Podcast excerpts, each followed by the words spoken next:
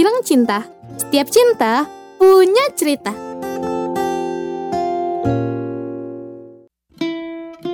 Dilan, Ranita, ini hot news banget gak sih? Jadi kemarin tuh gue nonton beauty vlogger kan. Terus kayak keracunin dong gue sama produk-produknya keren banget kayak gue langsung pengen beli blush on-nya, langsung pengen beli lip tint-nya. Sumpah ini kayaknya kalau misalnya lu buka marketplace-nya di HP gue ini ini udah banyak banget tau gak sih list-listnya saking keracuninnya. Waduh, Lan, ini beauty vlogger mana nih dalam negeri dong pastinya ya kan? Iya dong kan cinta lokal. Oh iya benar juga, tapi Tapi walaupun dalam lokal kayaknya kita spesifikin lagi nggak? Nggak kita si Helen lah. Len spesifikin lagi lah kan Ultima Friends pasti tahu banyak banget beauty vlogger kayak Dylan Chandra, terus kayak nggak gitu Dylan dong. Chandra. Kan. Yang pasti eh, cakep dan kerennya tuh 11-12 sama gue sih. Oh, jadi lu pede gitu ya? Wois, itu dia bro. Harus self love. Bener, bener, bener. Betul, tapi sebelum kita makin jauh nih spill siapa sih tadi yang gue maksud. Ini kita sapa Ultima Friends dulu gak sih? Oh iya, mungkin Ultima Friends udah kangen sama suara unik gue ya. Oh gua. Heeh. Jadi langsung aja, Hai Ultima Friends, apa kabar Ultima Friends? Halo, halo, halo. Yaudah, lanjut lagi ya. Nih, daripada lu berdua ada Ultima Friends makin penasaran, kira-kira beauty vlogger yang gue omongin siapa? Tenang aja, karena dia udah menjadi narasumber buat Bilcin hari ini. Keren abis gak sih Bilcin? Oh my god. Wow, didau. Walai, Wow. wadidau. Yaudah ya, langsung kita panggil aja ya. Gimana, gimana? Boleh, boleh dong. Langsung. Ada Kariri Prameswari. Halo. Kariri. Halo. Halo kak, Halo, Kak. halo halo. Dream come true banget. Ketemu beauty vlogger favorit gitu loh Kariri. Oh my god. Makasih ya. Ini kalau misalnya berisik ada anak aku ya. Tuh dia apa-apa, nanya, nggak nanya apa-apa. kat, Mama lagi sama teman-teman Mama nih. Halo, halo Om Hmm. Tante gitu.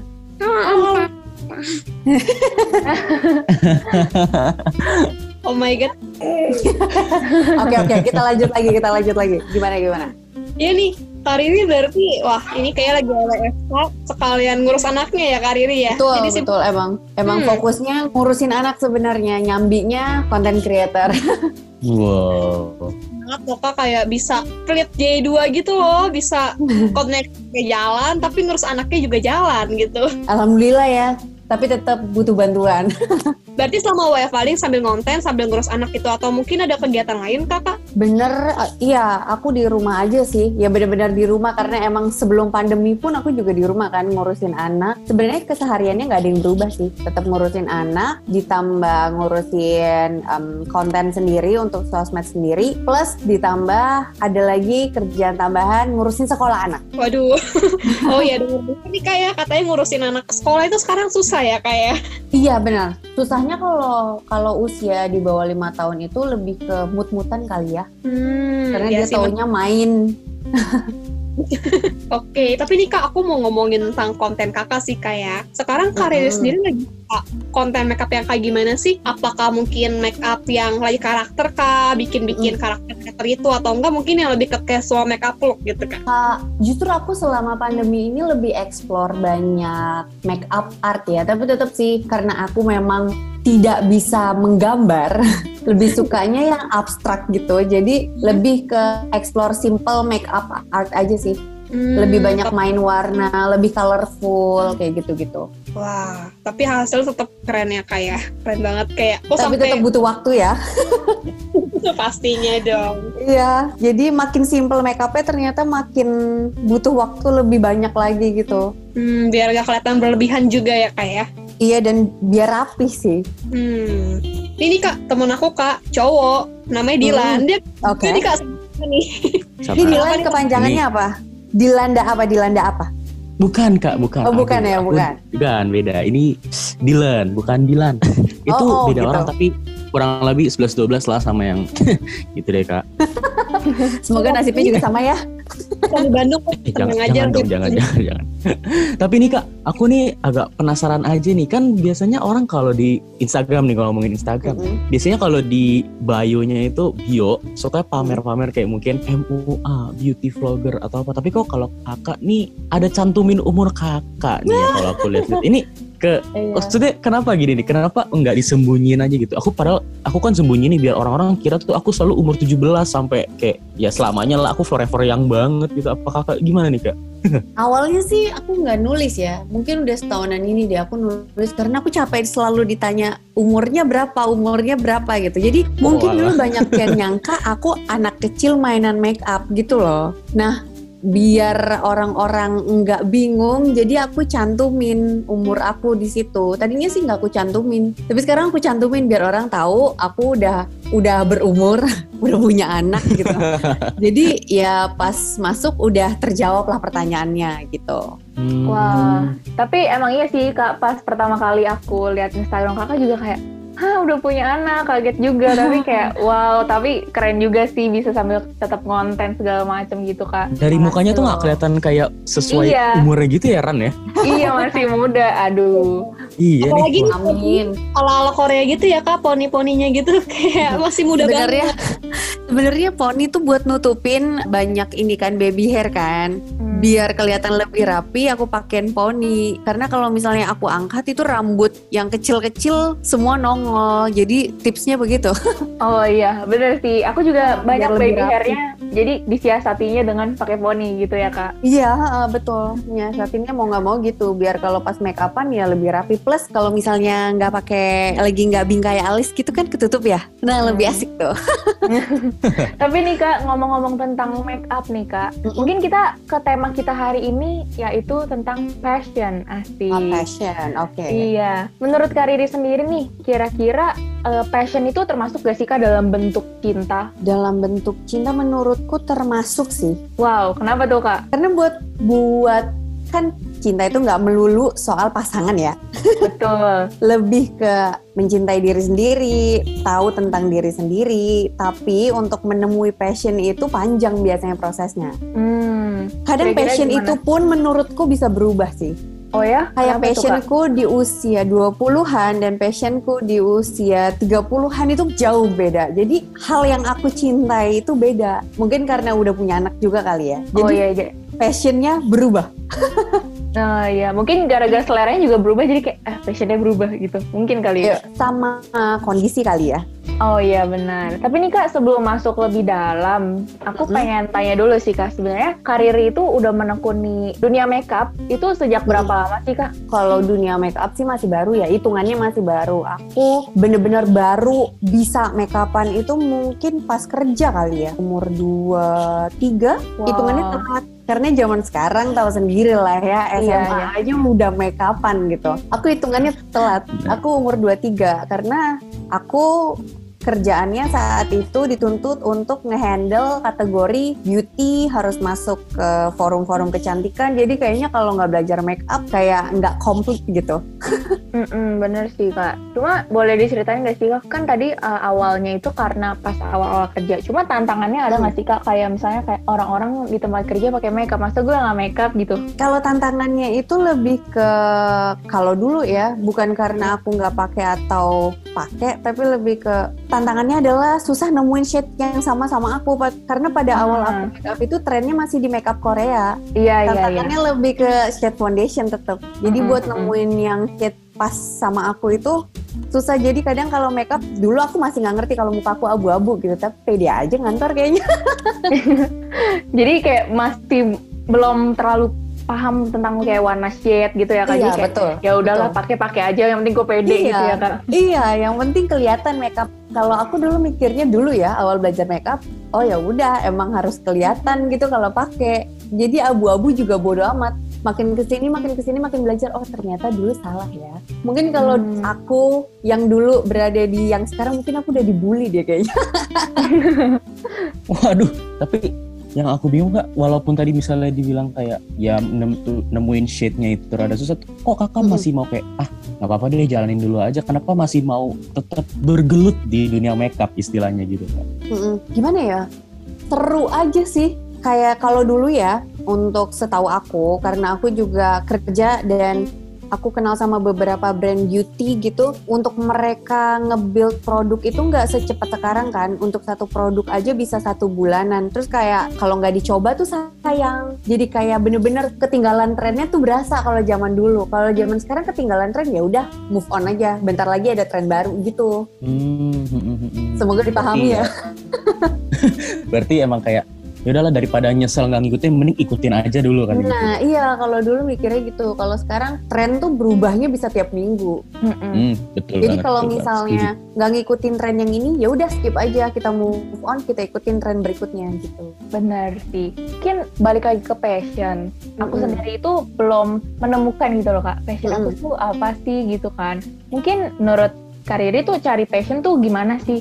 Cari passion ya. Kalau Hmm. aku passion itu sama aja kayak skincare, tetap trial and error, Nah, Oh, tetap ada oke. prosesnya, tetap ada prosesnya sampai kita ada di titik di mana wah ini passion gue nih, gue nyaman di sini, gue mau gali lebih dalam lagi soal ini gitu. Kayak contohnya pas aku dulu kerja, dulu pas aku kerja itu, aku bener-bener ngerasa passionku di situ, saking saking berasa itu passionku, ibaratnya gajiku nggak naik pun, aku bakalan tetap cinta sama itu perusahaan, sama pekerjaanku. Walaupun sebenarnya makan di mall juga tetap butuh duit ya, tapi kalau misalnya kita suka sama satu hal, duit dan lain sebagainya tuh kita kesampingin mm-mm. bener-bener into something yang wah gue suka banget deh kayak gitu Hmm, nih Ya. kak, aku banget nih sama kalimat tadi yang kalau kita suka sama suatu hal, yang lain tuh bisa dilupain ya kak ya. Ini aku mau Ya. curhat dikit boleh nggak nih kak? Waduh, boleh boleh gimana gimana iya nih, nih Jadi tuh mama kamu tuh mama aku nih nggak tahu kak. Ini sebenarnya udah termasuk passion atau enggak, tapi intinya aku Hmm. suka banget sama make up gitu. Mm-mm. Nah, tapi negatifnya tuh jadi ketergantungan keluar harus pakai alis atau enggak at least kayak kayak cushion lah gitu biar jerawatnya nggak kelihatan Mm-mm. gitu. atau nggak pakai lip tint biar kelihatan nggak pucet gitu. Akhirnya tuh kayak pengaruh juga jadi lama-lama kok makin nggak percaya diri ya kalau nggak pakai makeup ya kok jadi aneh gitu ya kalau misalnya nggak pakai makeup. Kakak juga dulu pernah gitu nggak sih kak? Pernah nggak sih ngerasa kayak pede sama nggak insecure-nya Insecure gitu? ya, loh insecure. ada pasti ada di titik insecure ya yang kurang bersyukur ya ada ada di titik itu tetap. Mungkin aku udah pedenya tuh justru ya setelah aku mikir kok aku mikirin kata orang ya? Kayaknya kalau beli makeup juga pakai duit sendiri nggak minta siapa-siapa gitu. Jadi keluar pun tanpa makeup lama-lama bodo amat. Jadi semuanya tetap ada prosesnya sih. Oh ya udah berarti nanti pada suatu saat aku juga pasti bisa percaya aja. Satu saat ya. Tahu nggak sebenarnya yang menentukan kita pede apa enggak biasanya pasangan dan lingkungan sih. Waduh. Oke. Hmm, berat gimana tuh? ya. Hmm.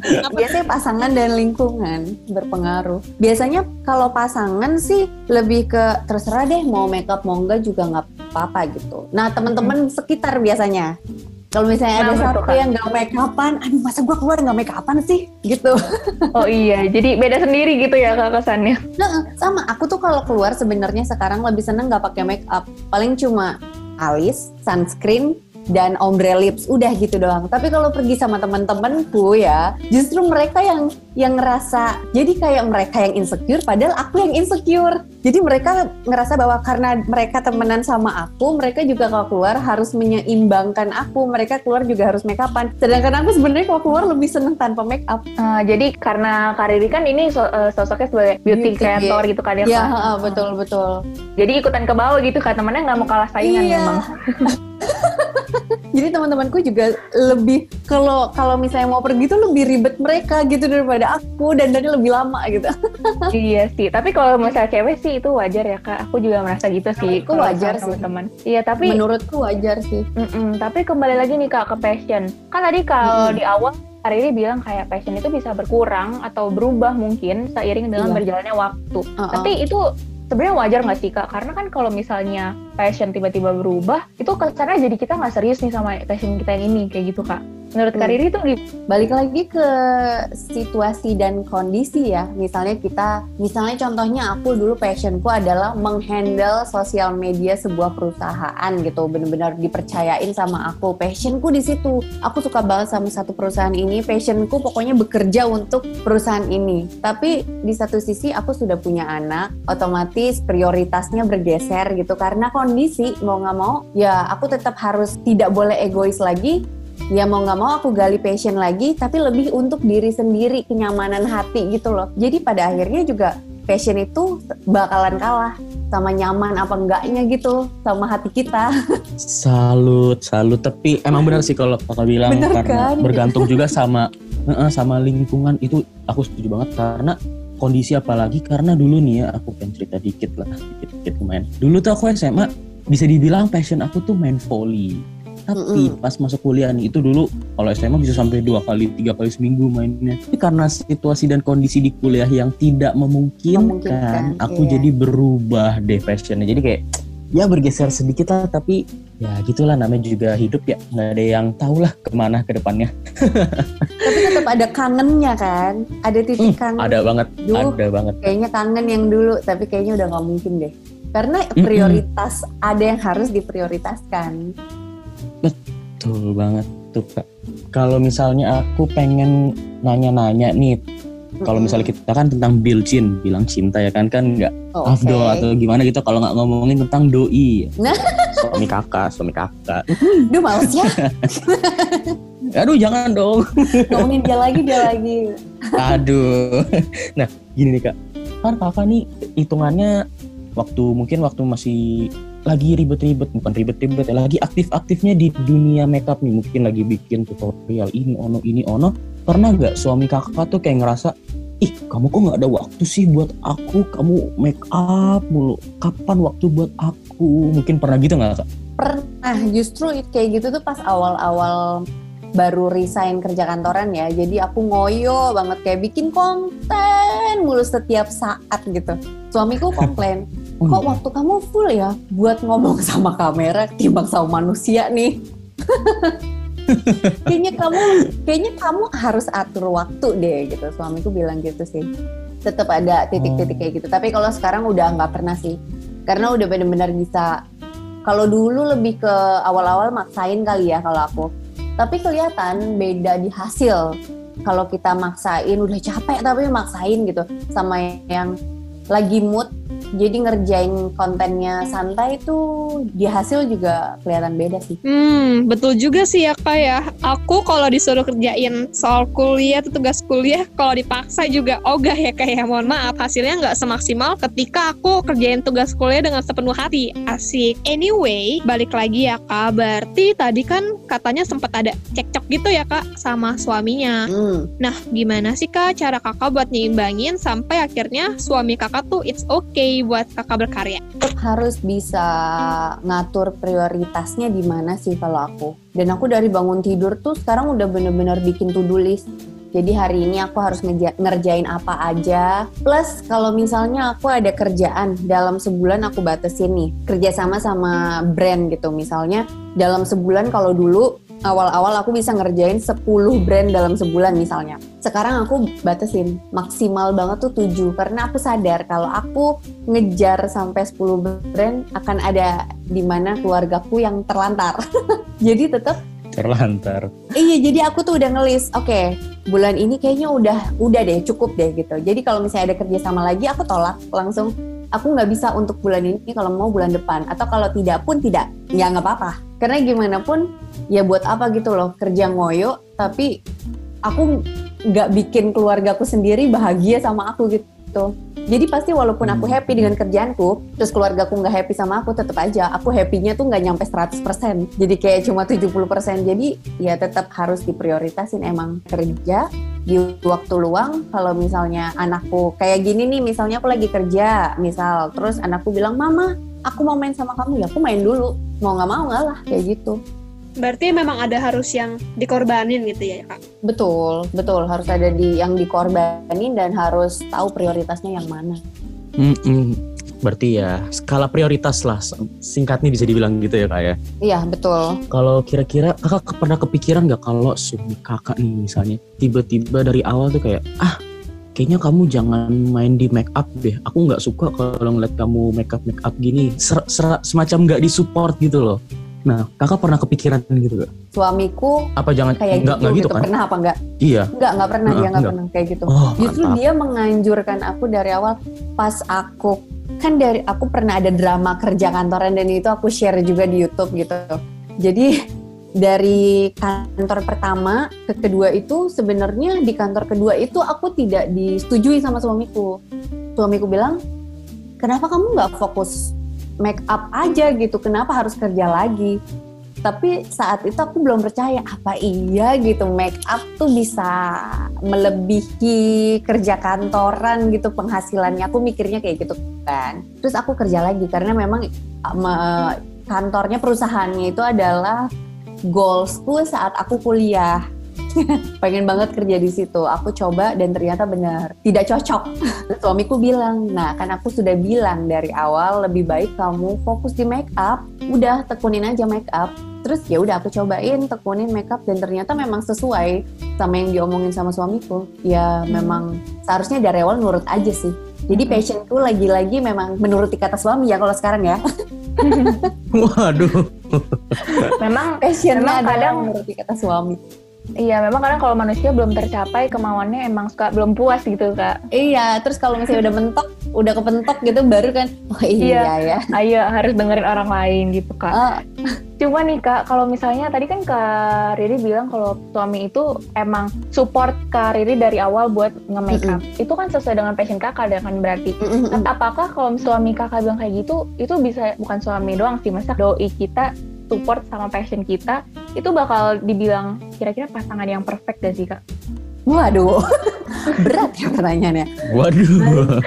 Balik lagi, gimana ya?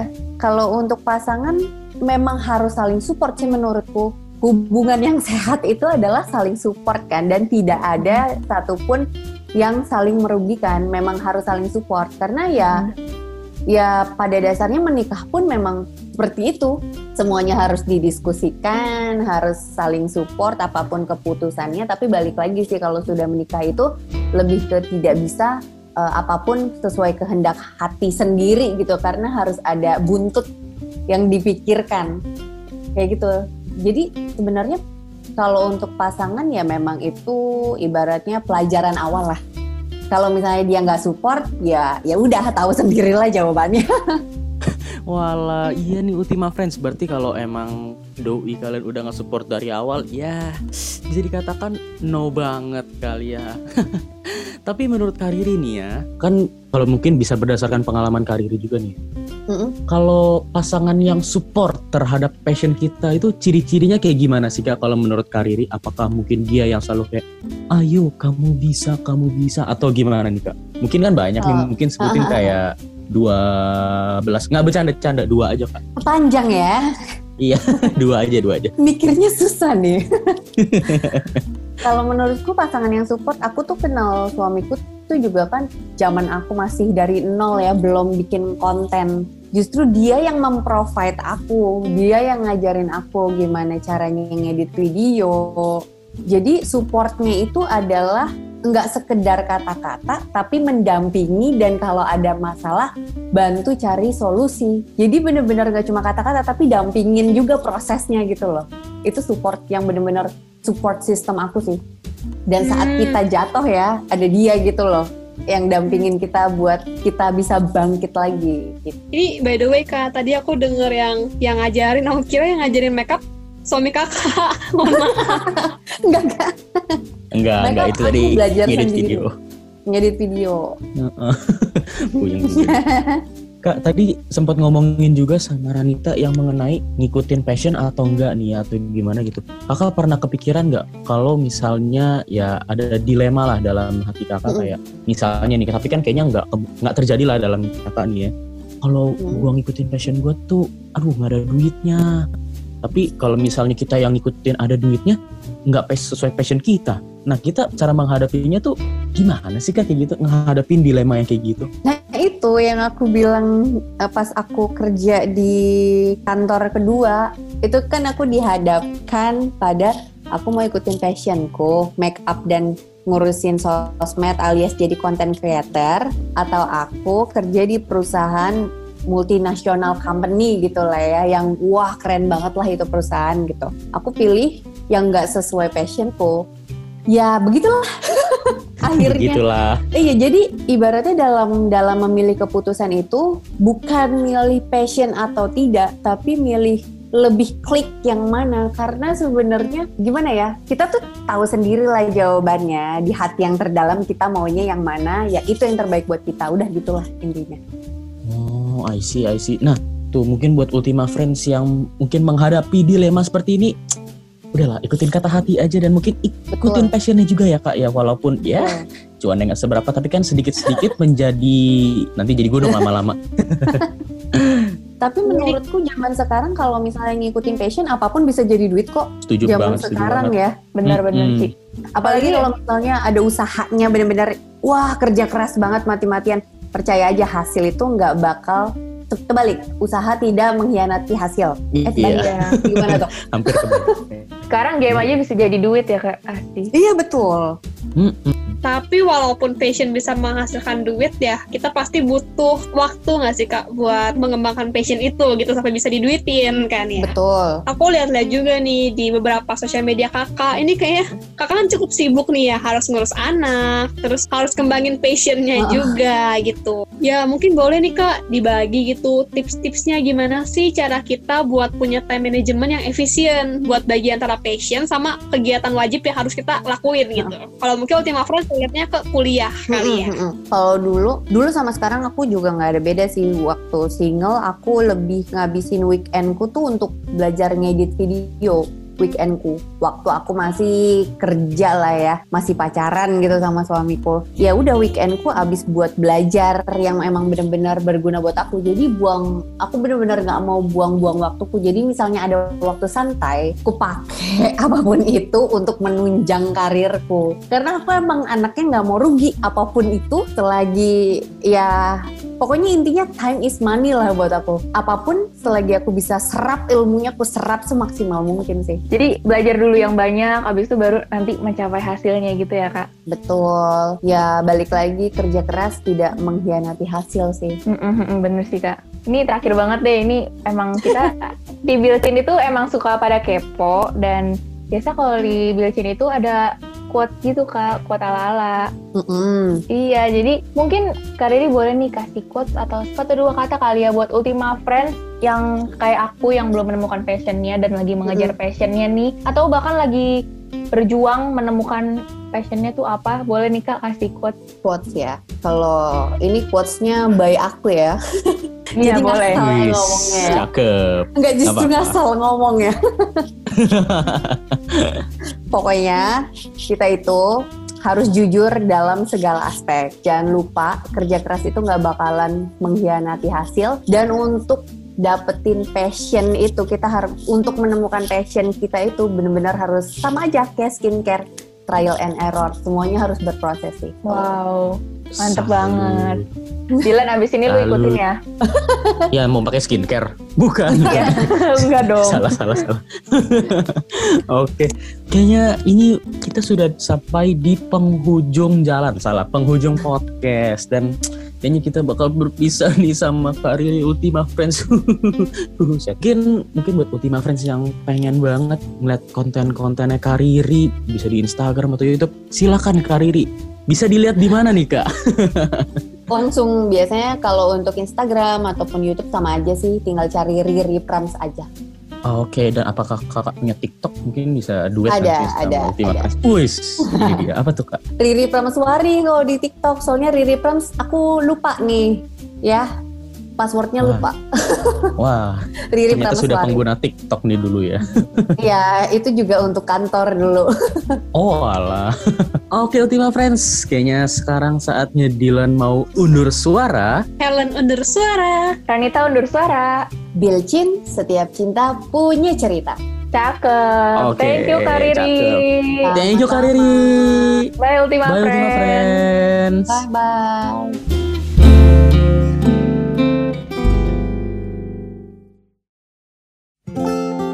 Bilang cinta, setiap cinta punya cerita.